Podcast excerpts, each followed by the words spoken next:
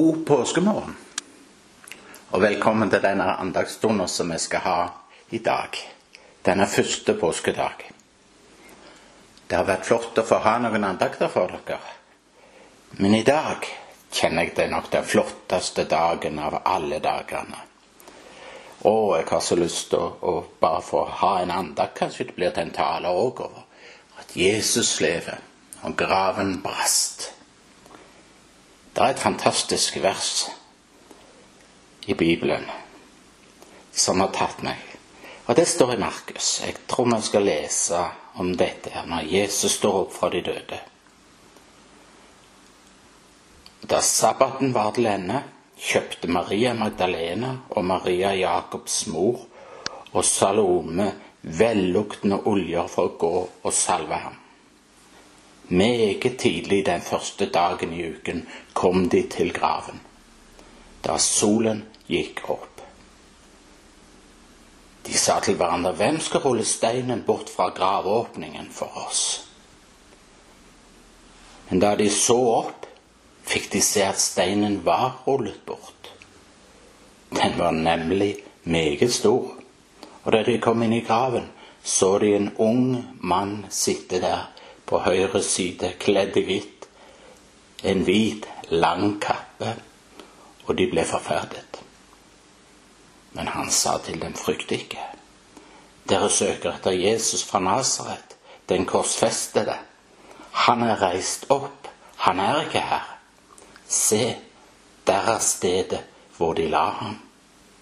Amen. Amen. Se, han er ikke her, han er reist opp. Herre, jeg ber om at du skal herliggjøre ditt navn ved ditt ord og ved din Hellige Ånd for oss. Og at du åpenbarer deg i full herlighet her vi sitter, sånn at vi får se deg som du virkelig er, og at du kan innta den rette plassen i vårt sinn. Amen. Det var en fantastisk søndag. Tidlig søndagsmorgen så står det da solen gikk opp. Det var herlig. Sikkert samtidig med soloppgangen så kjenner jeg det at jeg kan få lov til å si at da gikk nådens og rettferdighetens sol opp òg. Døden og gravens lenker, de brast. Det var den tredje dagen etter Jesu død. Det var oppstandelsesmorgenen. Fantastisk herlig. Det er en ny dag, en ny tid. Gud er forsona. Jesus er seierherre. Dødens makt er brutt. Og djevelen har lidd nederlag. Og Jesus, verdens frelser, han lever. Du vet, Det finnes ikke noe motstykke i verdenshistorien. Ikke sant? Synden, døden og djevelen er beseira. Prisen er betalt. Seieren er vunnet. Og så kommer Jesus nå tilbake til livet som den førstefødte av de døde. Han ble ført tilbake til de levende for aldri mer å dø. Jesus kom tilbake som seierherre med nøklene til døden og dødsriket. Og han vant ikke bare seier for sin egen del, men han vant en seier for oss, for deg og for meg. Og derfor kjenner jeg jeg går rett til andre korinterne, det andre verset andre kapittel og det 14. verset. Det er så herlig å stemme i dette verset. Men Gud være takk, halleluja, som alltid lar oss vinne seier i Jesus Kristus. Denne herlige salmen som vi synger på i påsken, har jeg funnet fram. Jesus lever, graven brast. Han sto opp med guddomsvelde. Trøsten står som klippen fast at hans død og blod skal gjelde. Lynet blinker og jorden bever, graven brast og Jesus lever. Og så kommer dette jeg kan unna på denne påsken. Jeg har vunnet. Jesus vant. Derfor har jeg evig seier. Jesus ga meg åndens pant på at jeg hans rikdom eier. Åpen har jeg himmelen funnet. Jesus vant og jeg har vunnet. Halleluja, halleluja. Derfor har jeg evig seier. Og kristenlivet står det, hvis vi leser faktisk i den 2011-utgaven, så står det litt annerledes i forbindelse med, med Paulus sitt brev til korinterne der.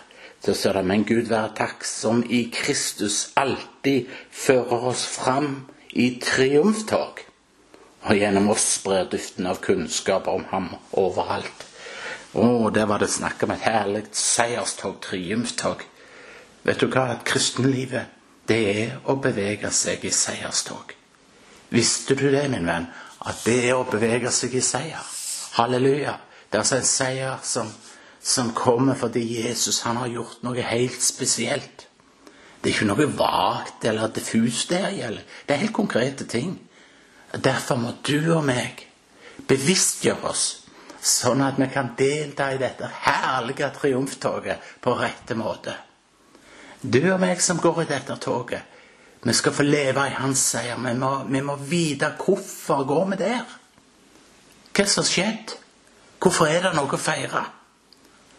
Og så må vi ha kjennskap til hva slags seier det er når vi beveger oss i Jesus Kristus og tar del i hans seier. Har vi denne kjennskapen? Har du og meg denne kjennskapen? For du vet, dette er ikke noe vi kan tilegne oss sånn uten videre. For dette er ting som handler om det intet øye så, det intet øre hørte, og det som ikke ble til noe menneskehjerte. Det handler ganske enkelt om hva Gud har beredt for de som elsker Han. Og dette har Gud åpenbart ved sin ånd. Amen. Altså ikke noe vi får med å se oss omkring i denne verden, og, og heller ikke noe vi får med å høre på menneskers tale i denne verden. Det er heller ikke noe mennesker kan finne ut av med å grunne og studere og gruble. Denne seier må bare fortelles av Gud sjøl, og det gjør han i sitt ord. Halleluja. Bibelen er vitnesbyrde om den seier som Jesus har vunnet for oss.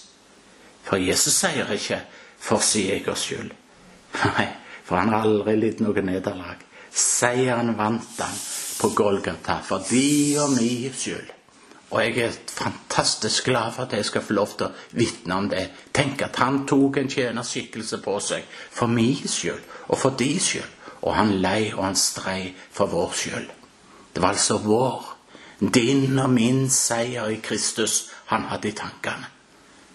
Tenk det å gjenopprette grunnlaget for seier i mitt liv og i ditt liv. Det gjorde han. Amen. Det gjorde han. Og så står det at de seirer over den onde, står det i Johannes' åpenbaring, i kraft av lammets blod og det ord som de vitnet. Du vet, Den seier som Jesus vant på Golgata, det var en seier med en gedigen dimensjon. Den hadde en overveldende dimensjon. Ingenting av det som noensinne har hendt, kan sammenlignes med denne seieren. Kan ikke måle seg. Det er ingenting som kommer til å overgå det som skjedde på Golgata. Det er en unik seier, venner. Og det kommer tydeligst frem i åpenbaringen hvor det står om hva de er opptatt av i himmelen. Og hva er de opptatt av der? Jo, der synger de sangen om Han som har forsont oss, Han som har frelst oss, Han som har forløst oss, og Han som har kjøpt oss til Gud med sitt blod. Der synger de sangen Verdig er lammet. Verdig er du, o Guds lam. Der så de hva det dreide seg om.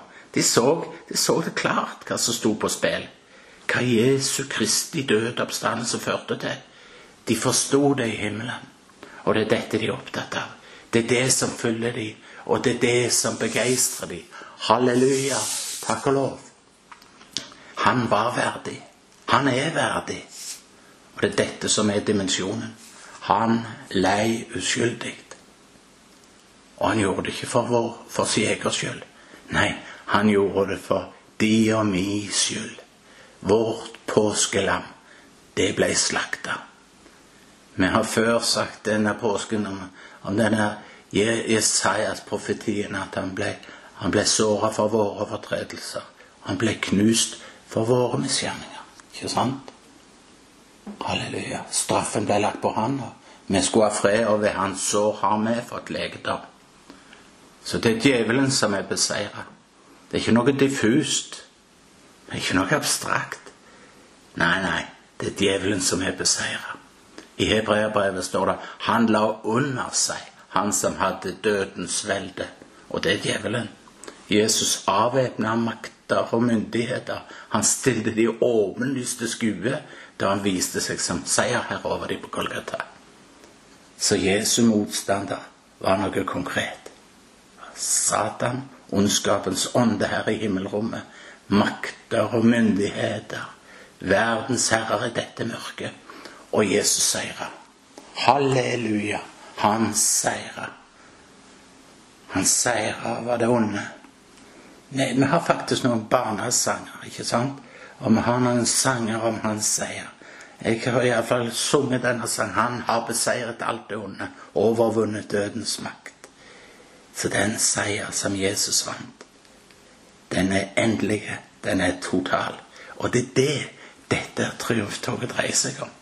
Det er seieren over djevelen, seieren over djevelens gjerninger, seieren over ondskapens ånde her i himmelrommet.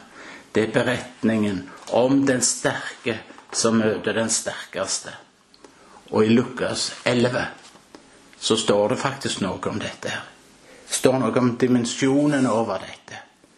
La oss lese det. Lukas 11, vers 21.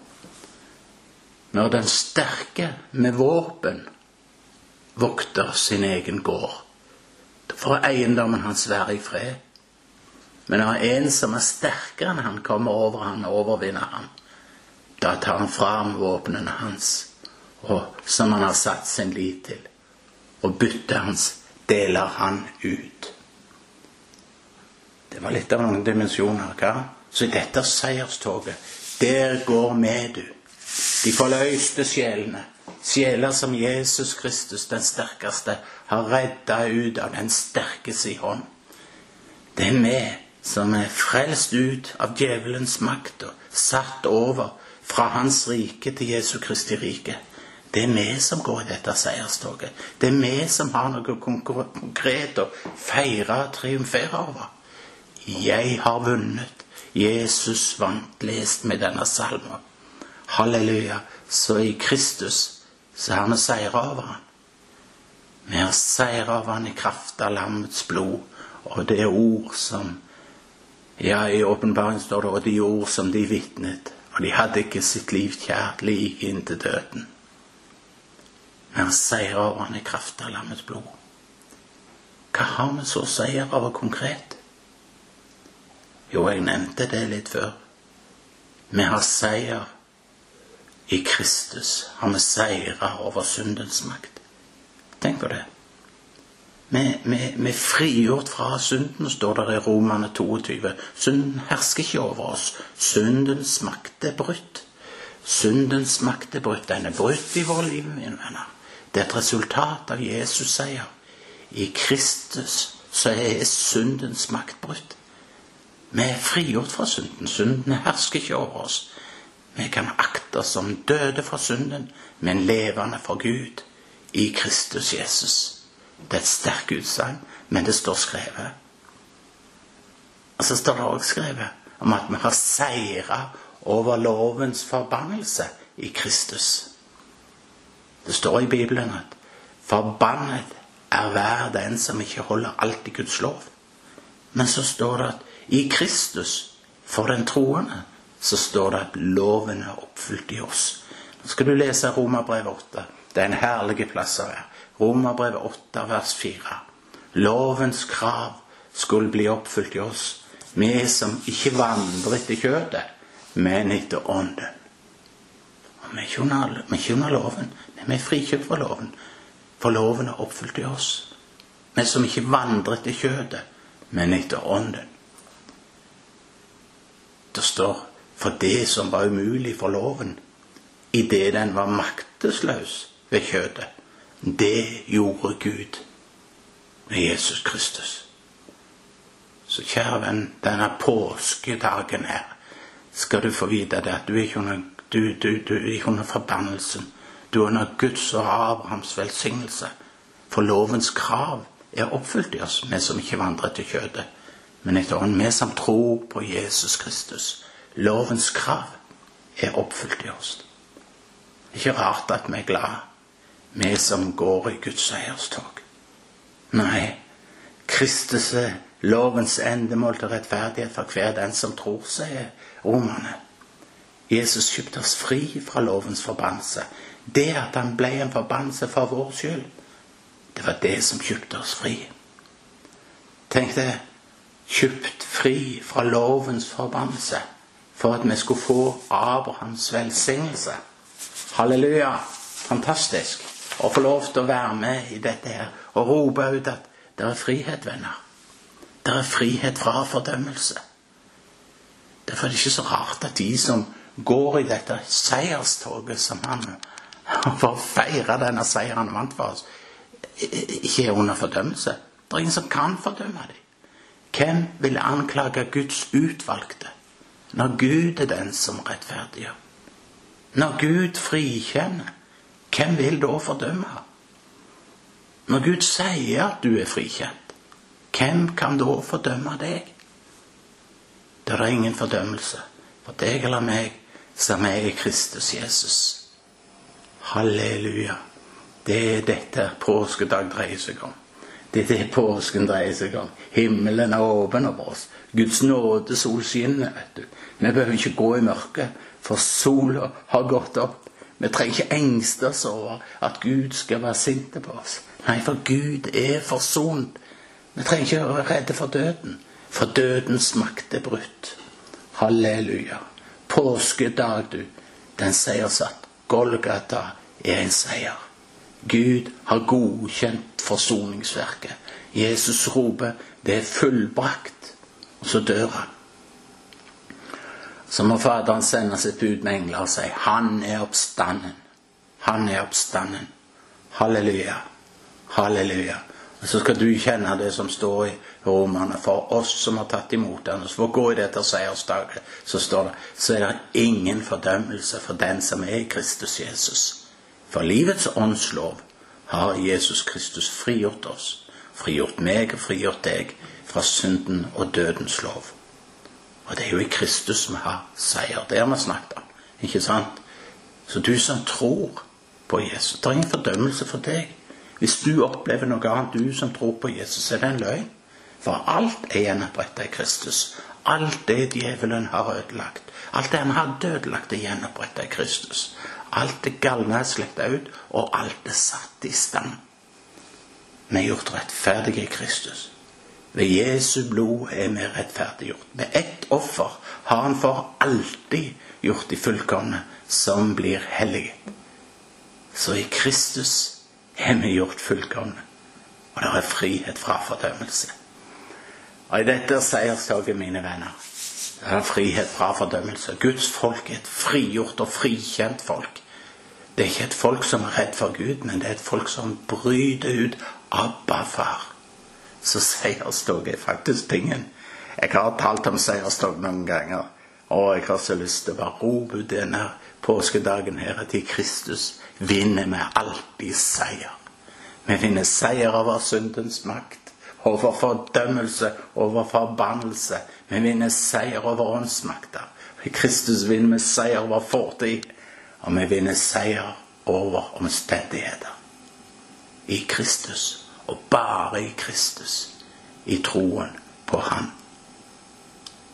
Amen.